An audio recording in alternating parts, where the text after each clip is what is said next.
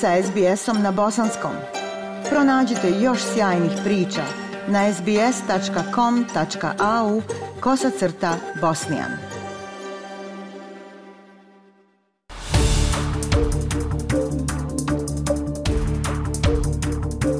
Slušate program SBS radija na bosanskom jeziku. U narednim minutama govorimo o tome kako su rastući troškovi života dodatno opteretili roditelje školaraca – Ove sedmice milioni učenika širom zemlje vratili su se u škole. S rastućim troškovima života roditelji se suočavaju s povećanjem cijena brojnih osnovnih potrebština za učionicu. Prilog Franceske Denucio i Aiše Hadži Ahmetović. Morning boys. This is school time. Wake up please. No, sister.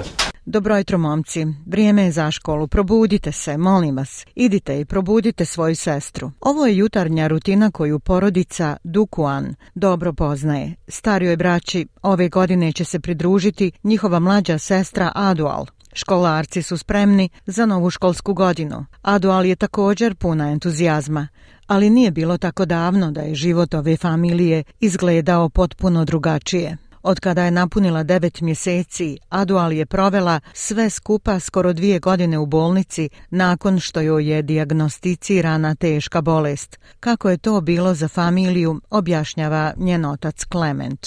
It was very tough for us. Today I didn't believe it yet Adual will get better. Bilo nam je mm, jako teško. Danas još ne vjerujem da je Adual bolje i da je postala jača nakon onoga što je prošla.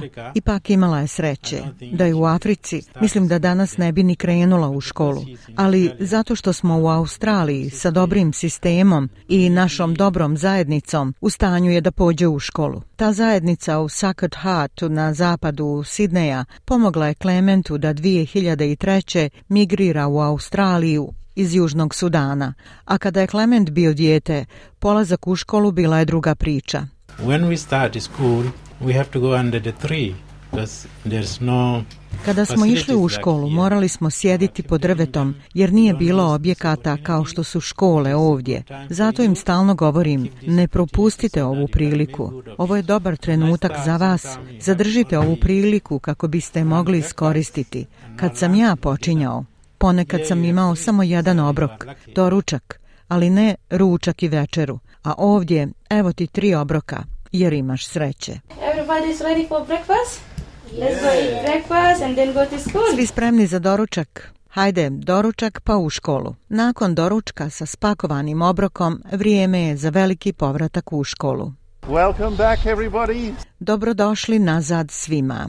Dok stotine učenika stižu u osnovnu školu Sacred Heart na zapadu Sidneja, sa svih strana odzvanja dječji smijeh dok ih direktor Glenn Patchell pozdravlja. Sjajno je poželjeti dobrodošlicu preko 300 djece koja se vraćaju u osnovnu školu Suckert Heart u Mount Druitt South, oni su zaista uzbuđene, a i mi smo sretni što ćemo ih viđati još jednu školsku godinu. Uzbuđenje se nastavlja i u učionici. Nakon nekoliko prvih dana treme i umornih očiju, učenici su spremni da se vrate u učenju. Međutim, obzirom da poskupljenja za povratak u škole doprinose tekućoj krizi troškova života, neke porodice moraju donijeti teške odluke. To je nešto s čime se Linda mora nositi kao roditelj djeteta iz osnovne škole.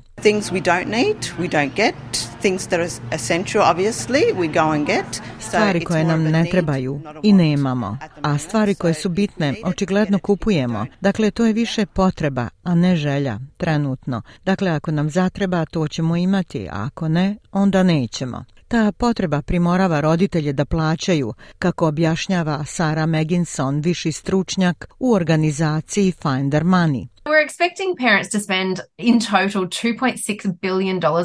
Očekujemo da roditelji potroše ukupno 2,6 uh, milijardi dolara na školski pribor, što je tako zapanjujuća količina novca.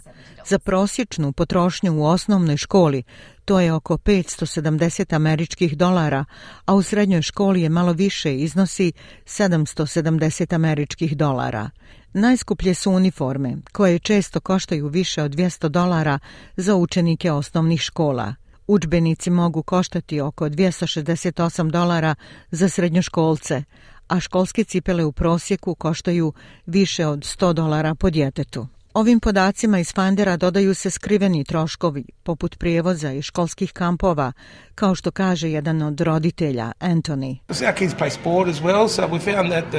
Naša djeca se također bave sportom, pa smo ustanovili da smo im pored uniformi morali nabaviti i posebnu sportsku odjeću, a to je sada prilično skupo, već je odmah poskupjelo. I dok se povratak u školu za neke pokazuje kao stresan, porodica Dukuan novu školsku godinu vidi kao novi početak. A kako su roditelji u školi bosanskog jezika doživjeli povećanje troškova života, reći će nam oni sami. Pa ništa, mi trenutno samo nosimo dvije do tri kese manje u poslu. A to je nešto što je na čitavom svijetu, što je trenutno takva situacija, tako da i nama je tako kako je. Ali u svakom slučaju porodični budžet je osjetio ova poskupljenja, je li tako? Pa normalno, jest, jest. Šta da vam kažem, kao što svi znamo, plate nisu baš otišle na više koliko su cijene otišle, tako da svaka porodica danas, kako u Australiji, tako i širom svijeta, osjeti promjenu u budžetu. Sada trošimo puno više novca na potrošačku korpu nego što je to bilo prije dvije godine. A kako je sa potrebštinama za školu? Da li ste osjetili razliku? Pa za školu nisam osjetila, s obzirom da ovdje škole manje više obskrbljuju učenike sa potrebnim priborom. Uniforme, obuća, sportska odjeća. Mi smo sretni da, ne, nam uniforma od prošle godine još uvijek može, tako da... To svakako pomaže. Sve je teže i teži, naravno, ali probaš da snađeš, uvijek ima neki special, probaš da izvedeš djec više u parku mjesto u kino i tako dalje. Imam dvoje djece, dvije djevojčice, prvi i treći razred. I dok ste ove godine kupovali potrebštine za školu, uniforme, odjeću, obuću, jeste li osjetili razliku? Pa da, naravno, pogotovo poslije školskog perioda gdje su djeca kod kuće mjeseci i pol dana, taj ljetni rasus uvijek je veći trošak, odmori i tako dalje, naravno da se osjeti, ali onaj, uvijek se snađiš. Moramo ekonomisati, ja? Da, mi smo svi ekonomista, pogotovo mi žene.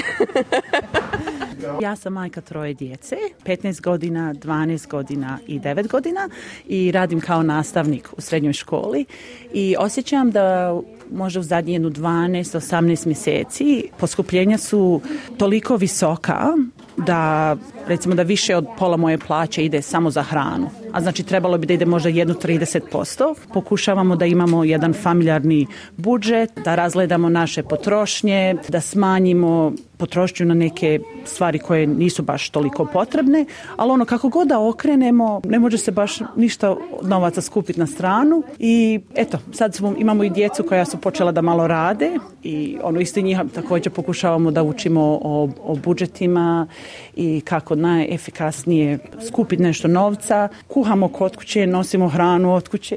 A potrebštine za školu, kako ste osjetili to na porodičnom budžetu? To je također astronomično i da kupa kupovali smo polovne knjige, ne kupujemo školske cipale svake godine i to je također jedno, jedno 30% je više nego što je bilo u prijašnjim godinama. Je. Počela je školska godina, tim početkom došlo je i do malog stresa u familijama koji imaju školsku djecu, zar ne?